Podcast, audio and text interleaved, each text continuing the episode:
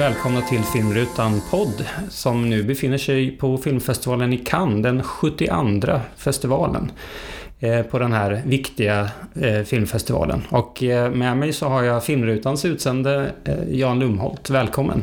Tack så mycket. Och för ordningens skull, vad heter du? Per Eriksson heter jag och brukar sitta vid mikrofonen i den här podden. Musiken som ni hörde inledningsvis kommer ifrån den vignett som brukar spelas inför varje filmvisning här i Cannes. Och det är alltså en melodi som man får höra ganska många gånger och för att ni också ska kunna bekanta er med den så har jag sprängt in den på flera platser här i den här podden. Jag vill också be om ursäkt för att det kanske är lite olika ljudkvalitet eftersom jag har spelat in flera olika personer på språng mellan filmvisningar här och de har gjorts på lite olika platser både ute och inne. En av de personer som jag pratar med är Filmrutans medarbetare Mårten Blomqvist som är här i Cannes på uppdrag av DN. Och det är ju en riktig gammal Cannes-räv som har varit här i cirka 30 år. Så jag frågade honom vad han tycker har förändrats under de här åren. Dels har ju bara trycket ökat något alldeles otroligt eh, på festivalen. Det ökar varje år. Man tänker att det här kommer inte gå längre. Eh, köerna växer och sånt där. Men sen på ett ytligt plan så har mycket förändrats. Första åren jag var här så tyckte jag det var så roligt hur hela stan liksom togs över av festivalen på gott och ont. Eh, det vill säga, det var fullt med affischer överallt. De hade jättestora eh, utställningsgrejer, alltså byggde tredimensionella modeller och grejer som stod utanför Carlton. Eh, och allt det där livade upp mig, jag tyckte det var kul att titta på. Och det är nästan helt borta. De hade såna här människor som sminkade sig i silversmink och stod och var statyer. Och allt, allt, mycket sånt här festligt folkliv är borta. Just i år så tycker jag att det känns väldigt mycket mer kallhamrat professionellt jämfört med hur det har varit då. För allt det där livet hör till. Det fanns någonting som kallades leopardkvinnorna.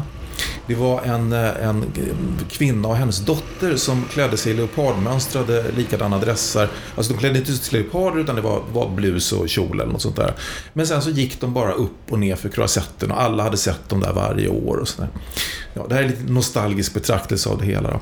Men, men, eh, men filmerna är fortfarande naturligtvis det helt centrala. Och eh, där finns ju trender och sånt där, men det, det, blir för mycket att gå in på. Men detta är generellt mitt intryck av hur festivalen har förändrats. Liksom.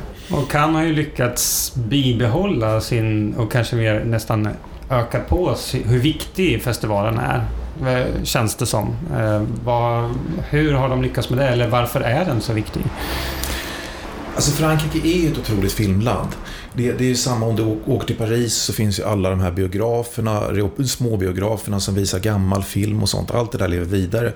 Så kan i, Frankrike är ju filmens hemland faktiskt, får man nog lov att säga. Jag, jag tycker på sätt och vis smäller högre än, än USA i, i, den meningen, som väl i så fall skulle vara andra land man kunde tänka sig. Eh, och det är väl en bidrag, ett bidragande orsak. Och sen hela liksom, jag menar, vill du ha glamour och så, vad finns bättre än franska rivieran? Det, det är väldigt svårt att slå det. Eh, och precis som du säger så har den ju kvar den här ställningen. Det, det hit alla filmmakare vill först och främst att visa upp sina filmer. Och tror du att den där glamourstämpeln är lite, att de har lite att tacka för sin ställning? Och det tror jag absolut. Och de vårdar ju det också. Du, du ser eh, Eh, restaurangerna har ju de här affischerna och bilderna på gamla filmstjärnor som är här. Och Thierry Fremont som leder eh, festivalen, han har ju också en stor kärlek till eh, äldre film, till filmhistorien. Och den har han lyft fram mer och mer i Cannes också, i den här Cannes Classics-serien som, som jag tycker är underbar. Men hinner se alldeles för lite i. Där de visar nyrestaurerade gamla filmer, där de presenterar gamla filmare och gamla filmstjärnor som får komma och, och, och berätta. Eh, och, och, det där tror jag också bidrar till att uppehålla glamouren i det hela. Att man, att man liksom vårdar filmhistorien och eh, både eh, kvalitetsaspekten av filmhistorien och glamouraspekten av filmhistorien. Om man nu då tänker att man som du när du kommer till Cannes eh, och som ensam person ska försöka angripa den här festivalen där det är så mycket. Hur, hur gör du? Är det tävlingssektionen du fokuserar på eller försöker du få någon slags helhetsintryck? Ja, det är lite alltså... Eh, man tänker lite på i centrum, om vi säger att det finns 200 filmer bara för enkelhetens skull, så finns det 20 av dem som tävlar i den stora tävlingen. Och det är de som är eh, liksom, det absolut mest spännande och Inte nödvändigtvis de bästa filmerna, men på något vis är det det. Filmer utav stora Eh, filmskapare som ibland under decennier har skapat eh, tongivande mm, klassiska filmer. Och sen har festivalen också hittat en del som inte är riktigt så kända, kanske lite bubblare. Någon som har gjort en eller två filmer, någon som kanske är debutant. Och så har de valt att lägga dessa typ 20 filmer i centrum. Och det är det vi, de flesta av oss, tittar efter först. Det är det bordet som är uppdukat till oss lite och dit går vi.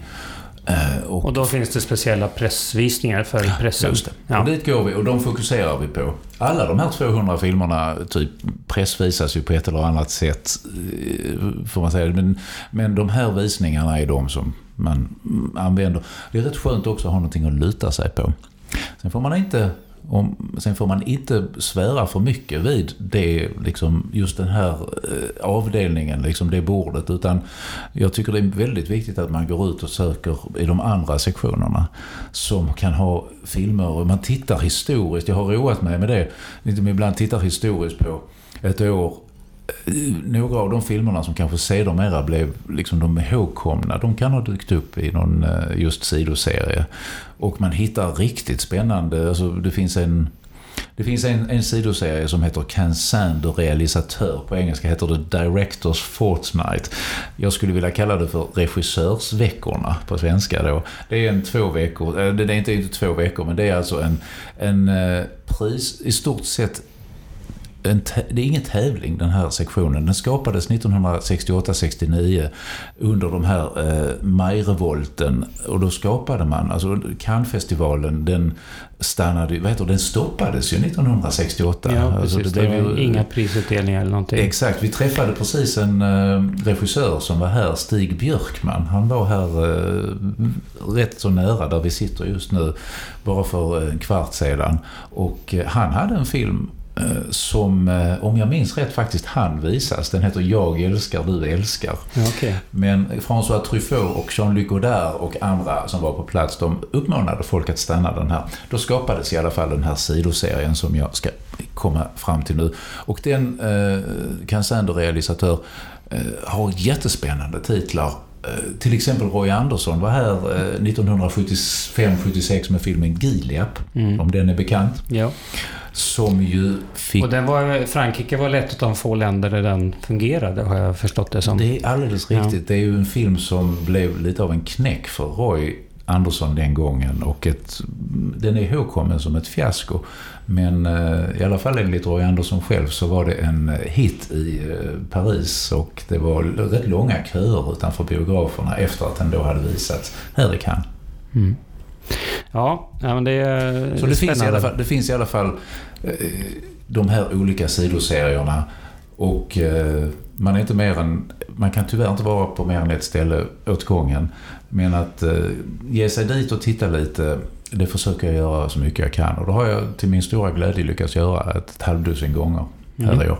För det är där man kanske hittar de kommande storstjärnorna, de ja, spännande filmerna. Man kan hitta de här lite udda filmerna som på något vis är lite... De kanske tycker att de är lite för udda för att hamna... Sedan så tror jag också att de som sitter, sätter ihop de här programmen, de är inte mer än människor. Man tänker ibland att det skulle vara en gudomlig, ja. eh, gudomlig hand liksom, som har världens bästa och mest rättvisa och ljuvliga smak som sammanställer det här. Men de gör ju sina missar ibland. Ja, det det märker man. Jag såg en... också Precis. Jag såg en film igår som absolut inte... Jag förstår varför den skulle vara med i Cannes. Den var ju inte med i tävlan då, men uh, i någon av de andra sektionerna. En uh, brasiliansk film som... The Invisible Life of Eunice uh, Gusmao.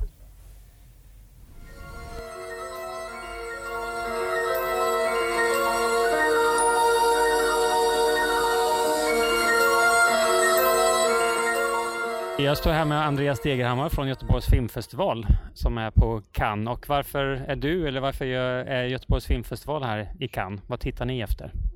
Vi tittar egentligen ganska brett. Vi är egentligen nästan hela programgruppen här, så vi jag tror faktiskt vi kommer att se varenda film i hela det officiella programmet. Så vi tittar jättebrett i det här läget eftersom vår festival ligger i, i januari. Så ser vi lite Cannes som en slags eh, uppstart för vårt programarbete. Vi har ju sett film, filmer i Berlin och under våren också men Cannes blir liksom startskottet på hela programarbetet skulle jag säga. Man får liksom lite idéer om tema, tematik och liksom vad det är för och Cannes är ju ändå den främsta festivalen så det är ju väldigt många autörer som är här och som man får chansen att se deras filmer. Så det är en bra startskott. Har ni sen några eh, som samtal med svenska distributörer om filmerna blir köpta med om de liksom ska gå upp i Göteborg eller sådär? Det har vi absolut. Eh, precis, en annan stor anledning till att vi är här det är också att vara på filmmarknaden där vi har massor med möten med framförallt eh, internationella säljbolag. Då. Både vad de visar här i Cannes men också vad de visar framöver i vad de tror kommer till Venedig och Toronto och andra stora festivaler under hösten. För det är ju så att många filmer som har världspremiär här får ju distribution i Sverige och hinner kanske gå upp under hösten. Och vi, likt alla andra stora festivaler, har ju ett premiärkrav.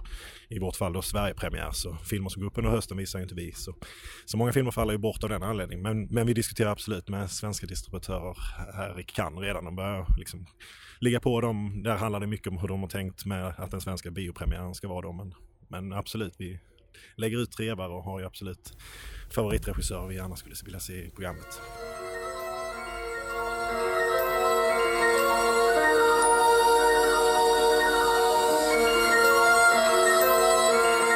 Om, eh, om vi nu tar och tittar på årets program då lite och vad vi har sett. Så mm. Årets tävlingsprogram om vi börjar där, det är ju alltså 20 filmer. Och eh, nu har vi kommit... Eh, 21 tror jag till och med vi har fått det. Ja, vi kan, ja. vi kan samsas Men mellan... det är inte så noga, det är typ, mm. typ 20 och vi har kommit uh, ungefär två tredjedelar in i tävlingsprogrammet. Så att det återstår ganska många av tävlingsfilmerna ändå som vi då inte har haft möjlighet att mm. kunna se. Men vi har faktiskt ganska snyggt lyckats hamna precis i mitten när ja. vi sitter, sitter här just nu. Och det är rätt kul. Allt kan hända. Ja, precis. Och eh, om man då tittar först så är det ju i eh, tävlingsprogrammet flera av de eh, absolut största Cannes-favoriterna. För det är ju lite så att festivaler odlar sina regissörer och kanske framförallt Cannes. Med, eh, där det känns som vissa regissörer har mer eller mindre kan prenumerera på en, eh, en plats i tävlingssektionen och Ken Loach är väl ja, en sån.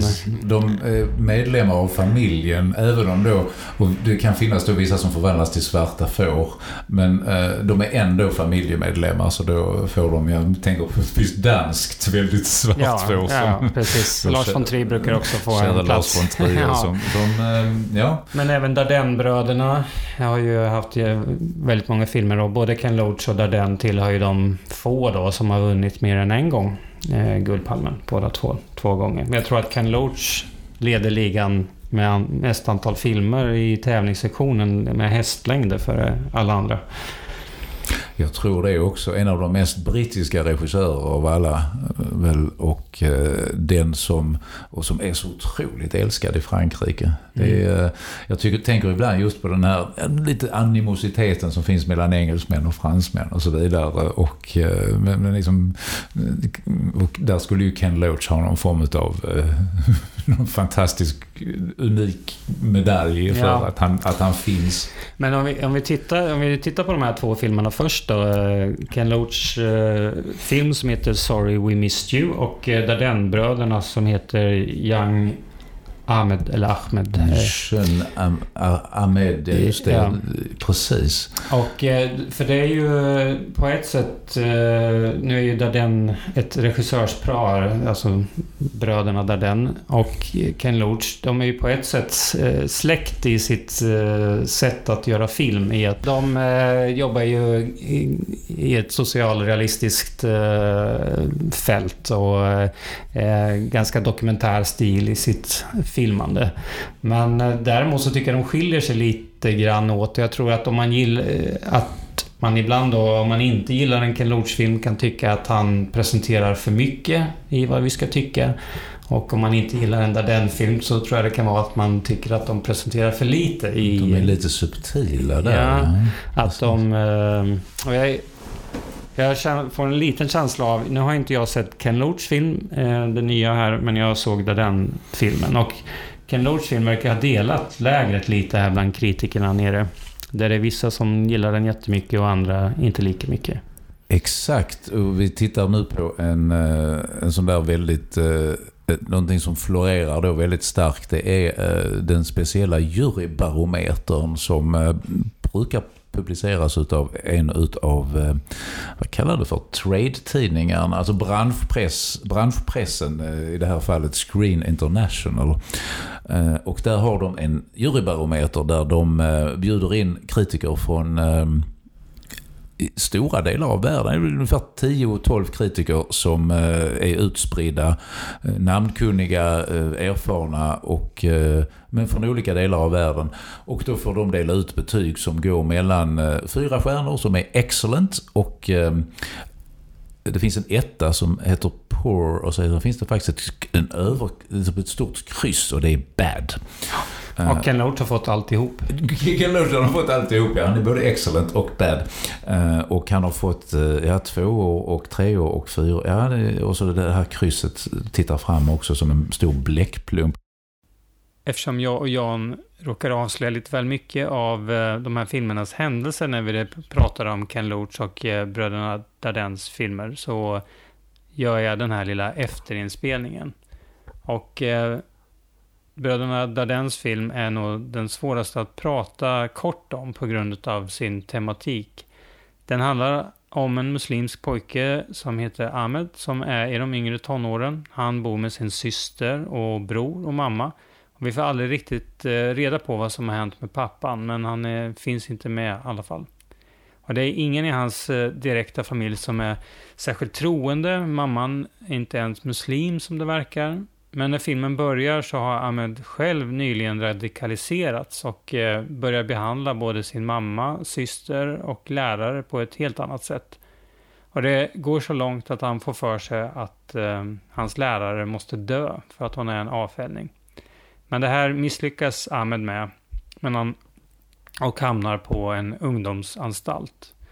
Och allt det här berättas ganska raskt och det verkar som om Dardenbröderna eh, mest fokuserade och intresserade av den värld som då Ahmed får möta på den här anstalten.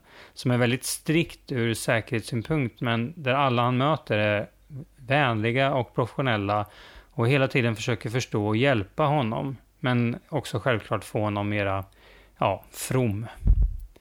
Och filmen är då på sedvanligt Dardenvis väldigt okommenterad. För vi kommer ju in i berättelsen redan när förvandlingen har skett. Och det vi ser är på något sätt ett enda långt klimax. Där filmens poänger handlar mycket om vad du själv som åskådare adderar till upplevelsen.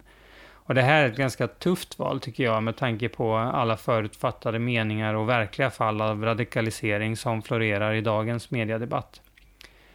För mig så handlar det lite om att få se Ahmed som den krisande tonåring som han faktiskt är, som förutom då de vanliga tonårskriserna får lägga till en frånvarande pappa och eh, det förvirrande att vara någonstans ja, mellan två olika kulturer.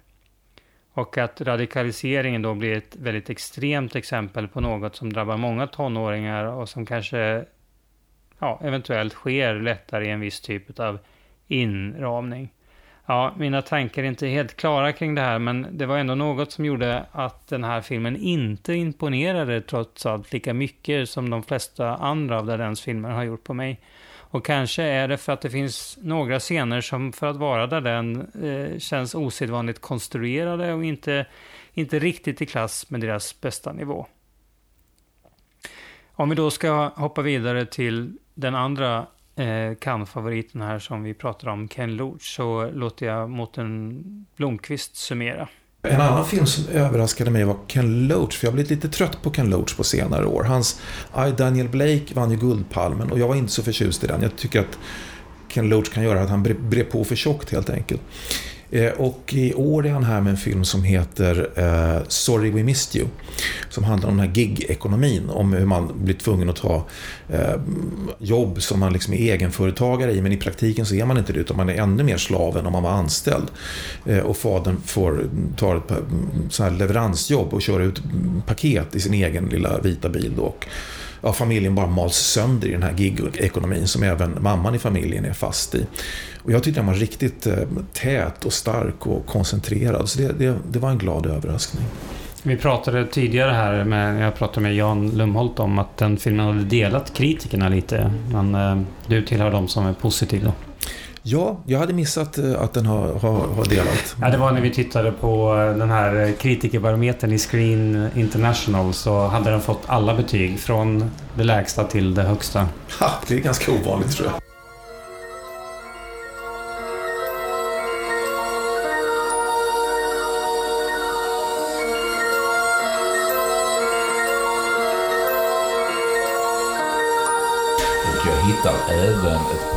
andra under året, eh, här, här i år, eh, Pedro Almodovar. Mm. Som faktiskt ligger på första platsen eh, på den här kritikerbarometern med sin senaste film som heter Pain and Glory på, i den engelska festivaltiteln Dolor y Gloria heter den då i hemlandet Span Spanien. Och den filmen där återvänder ju en av hans, eh, vad ska man säga, den här klassiska Stall Almodovar. Det finns Stall Bergman, så finns det Stall Almodovar också Men eh, skådespelare som har blivit kända i hela världen. Och det är Antonio Banderas som spelar huvudrollen. Och Penelope Cruz, hon har också, Penelope Cruz, har också en stor och viktig roll eh, i, i, den här filmen. Och den, i den här berättelsen så får vi träffa en eh, en välkänd spansk regissör som, även, som spelas av Antonio Banderas och icke omöjligt har många drag utav eh, Almodovar själv i sig. Som lite ser tillbaka på... Han, han, har, inte, det, han har det inte så bra nu för tiden. Alltså, hans karriär och, och hans eh, filmer är inte riktigt lika eh, blomstrande som de var på, på, sin tid. Och han tittar då tillbaka lite på sin barndom och eh, när han och hans mamma eller hans familj. Eh, pappan, eh, det finns en pappa också men han är verkligen ganska typiskt i Almodovar så är det mamman som märks mycket mer. Och de eh, åker till en plats ganska nära Valencia för att eh, ja, försöka bygga en verklighet och, och, och, lycka. Och det här är, ska vi säga, det är Franco, Spanien någon gång på, eh, kan, kan tänka sig på 50-talet. Och eh, de kommer alltså till en eh, ett hus som är byggt i en grotta. Vilket blir väldigt, väldigt speciellt. Ja. Och eh, där eh, får vi följa den här lille eh, vi kallar det för då? Pedros alter ego och, och mamman och han älskar att, att samla på eh, filmstjärnebilder från, eh, på amerikanska skådespelare och de är väldigt liksom sådär technicolor-aktiga i färgerna. Och han har en, får en bild på Elizabeth Taylor och en bild på Robert Taylor och han undrar om de är gifta med varandra eller syskon eller någonting okay. sånt där. Och, Men är det här Almodovas 8,5 då? Eller? Ja, ja, alltså, ja, Almodovas 4,4 4 och en fjärdedel eller ja. någonting. Han, eh, det, det är en ganska ganska... Eh, alltså saken är den att jag är lite förvånad över att till exempel man alltså då, till exempel bestämmer sig för att Ken Loach, när Ken Loach gör vad han alltid brukar göra, så kanske han får lite svalt mottagande. Och att, att Pedro Almodovar gör det han alltid brukar göra, att han liksom blir plötsligt, så han då hamnar högst upp på listan. Ingenting av det här är särskilt överraskande, men de här, å andra sidan, det är de där regissörerna som inte behöver överraska på gott och ont, utan man vet att man kommer få en väldigt hög kvalitet på det. Mm. Det är många fina detaljer i uh, Almodovar-filmen. Den ser fantastisk ut som de alltid brukar göra. Uh, han använder sig av en av de bästa filmkompositörerna jag vet. Uh, Alberto Iglesias. Igen skrivit fantastisk musik och det är jättefina insatser i, i det här. Och det, och det, finns en form av innerlighet och, och en humor också som den här regissören säger bland annat. Han blir att han har, hans, hans agent kommer och talar om för honom att han har fått ett erbjudande om att hålla ett föredrag på Island som är jättebra betalt. Och då säger den här eh, regissören, vad är det med islänningarna och mina filmer? Det är faktiskt så att ja, Almodovar okay. är ganska stor på Island. Ja. Eh, så. Men, men, eh, men han, han ligger i alla fall etta. Och det, och det är de här regissörerna som gör vad de, vad de brukar göra. Och på gott och ont så är det någonting som kan tycker väldigt mycket om att visa oss. Mm. Den som ligger tvåa då är en regissör som faktiskt har på ett sätt gjort något annat än vad hon brukar göra. Det är hennes första gång i, i tävlingssektionen i, i Cannes. Och eh, det är Céline Sciamma, Sciamma, ska man väl säga, som eh, gjorde Tomboy och Girlhood som båda haft premiär i Sverige. Och nu är hon då aktuell med en film som på engelska då heter Portrait of a Lady on Fire. En film om en lesbisk kärlekshistoria i slutet av 1700-talet. Den kändes liksom så förbaskat aktuell, kanske inte minst i år med, med liksom representationen handlar ju verkligen, en gjord av en kvinnlig regissör och handlar enkom om hur man representerar kvinnor, Portrait of a Lady då. Eh, men också tar upp aktuella frågor som abort och tar upp eh, kvinnlig em emancipation. Och, Ja, väldigt eh, spännande film och bara kvinnliga skådespelare i hela filmen. Några manliga, inte ens biroller utan mer statister. Ja, väldigt stark liksom. Eh, jag fick nästan sån in the mood for love-känsla i, i liksom sexuell spänning och undertryckta känslor. Ja, det var fantastiskt. Man. Vissa scener är helt fantastiska som när de här tre går och besöker en eh, lägereld där det är en massa andra kvinnor. Man vet inte riktigt var de kommer ifrån. Det verkar vara som att de kanske är också pigor i olika hus runt omkring som har samlats där och så plötsligt börjar de sjunga en, ett körverk. Och det är, det är jättemaffigt. Och eh, kanske inte helt eh, realistiskt men det funkar utmärkt i filmen som en eh, stämningshöjare utav dess like. Då ska jag passa på här att eh, försöka skapa en liten tråd vidare i det här samtalet. Detta är ju eh, en utav en handfull, ska säga fem eller sex eh, rent av eh, franska filmer som finns med i tävlan. Det är Frankrike som är värdlandet och det är de som bestämmer kan man mm. väl säga lite grann. Och det har funnits mycket fransk film här genom åren och det har varit ömsom vin, ömsom vatten får man säga. Men många, många fina upplevelser i den franska filmen och där har ju Cannes också en liten intressant så de är ju ambassadörer för den franska filmen. Mm. Eh, vilket eh, man ibland kanske glömmer lite i allt internationella. Och därför så är det ju väldigt roligt när de lyfter fram de deras allra bästa och kanske inte bara de här som är, vad ska vi kalla det för, som de tror är de mest eh, publikdragande eller någonting eh, sådär. Där finns ju några andra, det finns en, en väldigt mm, rå eh, förortsskildring som påminner ganska mycket om filmen Medan vi faller.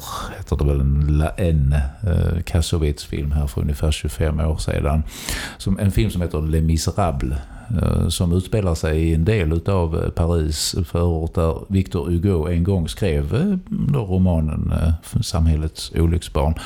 Och där eh, är det en sån här riktigt, riktigt het eh, dag när liksom alla de olika gängen och korrumperade poliserna och allting bara drabbar samman och det, det blir en jäkla dynamik i det där. En, en ehm, en film som också fick väldigt fint mottagande. Sen har vi ett par franska filmer som ännu är ovisade. Eh, det är Arnaud Desplechin som eh, har haft flera filmer eh, här i Cannes. Och det är även Abdelatif Keshish vars film Blå, Blå är den varmaste färgen fick Guldpalmen häromåret. Mm. Och hans film är fyra timmar. Men jag tror inte det är det som är det värsta. Just nu så är han, han, han eh, far runt lite i någon form av... Uh, ja, han har tydligen hittat på någonting uh, dumt på ett eller annat sätt med, med någon uh, skådespelare eller skådespelerska. Ja, så där är, där är ju även en del... Alltså, vi talar om att...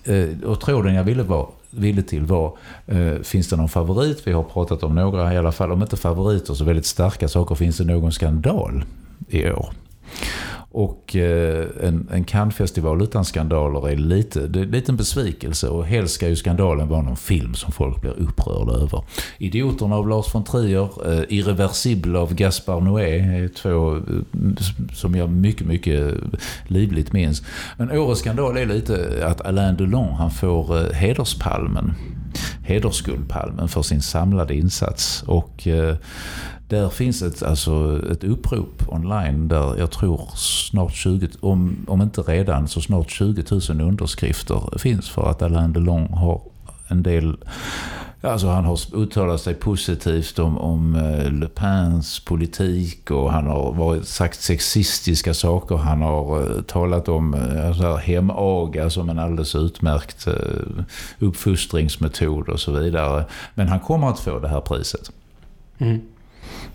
Jag, jag, vet inte om det har spritts. Eh, som, jo, men jag har också läst om det. Absolut. Kanske redan hemma i Sverige. Ja.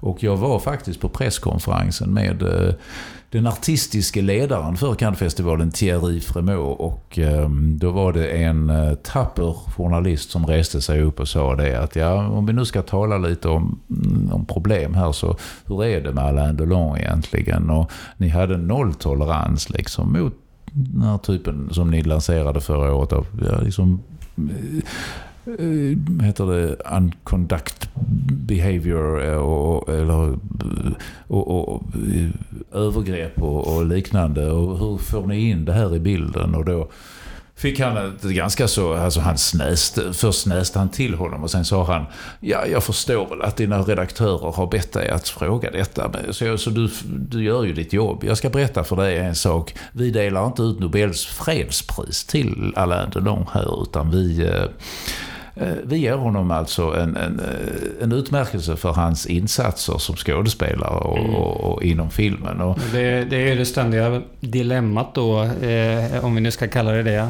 Eh, hur man ska se på personen och eh, det personen har åstadkommit i sin profession. Och det... Ja, ibland går det att skilja på tycker jag, ibland går det inte. Och det, det känns ju lite konstigt att de inte riktigt det visar att de inte riktigt tänker igenom eh, de här sakerna kanske som de har hittat på med sina hårda regler. Utan att det är mer någonting de har skrivit ner. Det sitter liksom inte de, närvarande ja. hos dem på det sättet. Jag, jag tänkte bara om jag skulle nämna några filmer som vi hade gillat utanför eh, tävlingen här. Och jag vill personligen nämna en film som heter eh, Adam som är från Marocko. Mm. En av de som spelar huvudrollerna där heter Lubna Azabal och eh, henne känner man igen bland annat från Navals Hemlighet och lite andra filmer. En väldigt stark film om en eh, ung eh, kvinna som har blivit gravid och flyr hemifrån för att gömma detta för familjen och i hopp om att kunna adoptera bort barnet och återvända till, till sin by utan att någon har märkt något. Och hon tas om hand om den här äldre kvinnan då som spelas av Lubna Asabal. Och eh, eh, också en väldigt, väldigt fin eh, skildring av hur deras vänskap eh, växer och båda två har nytta av den här vänskapen. Och sen har vi båda två sett en, eh, en film som heter The Orphanage det har vi i högsta grad gjort och det var ju en, eh, var en härlig eh, bekantskap och upplevelse och även alltså en del två utav en eh, planerad, inte trilogi utan pentalogi det här är underbart. Alltså, jag, jag gläder mig till att se den här pentalogin när den är klar. Men den första filmen den heter alltså Wolf and Sheep och där vill jag minnas att inte, ingen mindre än herrn själv som sitter här mitt emot mig var med och distribuerade den i Sverige. Ja, eh, eller Sveriges Förenade Filmstudios gjorde det i alla fall i samarbete med producenten till filmen. Och det här är då alltså samma regissör som har gjort Sharbanu Sadat från Afghanistan. Ja. Och eh, jag tyckte om Wolfen Sheep och det här är bättre. Ja, det är fantastiskt bra. Det är så levande. Och hon har ju huvudrollsparet från Wolfen Sheep. En film som jag inte ibland var säker på om det var en dokumentär eller om det var en spelfilm. Men det är ju en spelfilm. Mm. Men de är ju ändå, de kommer liksom från den miljön där de sen spelar upp det de gör i Wolfen Sheep. Eh, alltså den manliga huvudrollen, den pojkliga huvudrollen i den filmen, han har då eh, nu i... Vuxit några år. Vuxit några år. Och eh, han har samma namn som han hade i Quadrat, heter han. Och plötsligt har hon placerat honom i Kabul och inte när som helst utan i alltså 88-89 ja. under de här prosovjetiska dagarna. Mm. Och fram till att uh, Mujahedin tar över Eh, och det, det, den här pentalogin då, det bygger ju tydligen på en, en barndomsvän till henne som har skrivit en självbiografi eller dagböcker. Han har skrivit dagböcker u- under alla år. Det är rätt fantastiskt. Mm. 800 sidor Mm. lär det vara.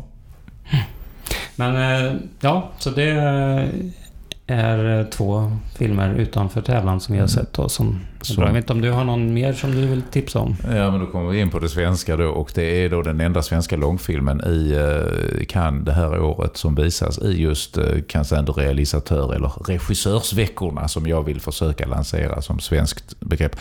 And then we danced heter den här filmen, eh, internationell titel. Den är regisserad av Levan Akin. Kantik Katinkas kalas var hans första långfilm. Cirkeln var hans andra långfilm, den som producerades av Benny Andersson. Och eh, Levan Akin är ju då född i Stockholm 1979 utav georgiska föräldrar som själv bodde i Turkiet. Så Levan är ju då, eh, och han är utbildad i New York delvis. Han är alltså en eh, sann kosmopolit och har bestämt sig för att göra en film i Georgien och den utspelar sig i, du nämnde den här vackra sången som fanns i den franska filmen. Eh, det finns ju en otroligt vacker georgisk sång. Det är en av deras internationella kännemärken. Det andra, som är någon nästan dalahästliknande sak med, med eh, den georgiska kulturen, är deras fantastiska dans. En ganska manlig typ av dans med de här dräkterna och höga hattarna och så vidare. Och det är den här miljön som, till denna miljö tar då Levan Akinos.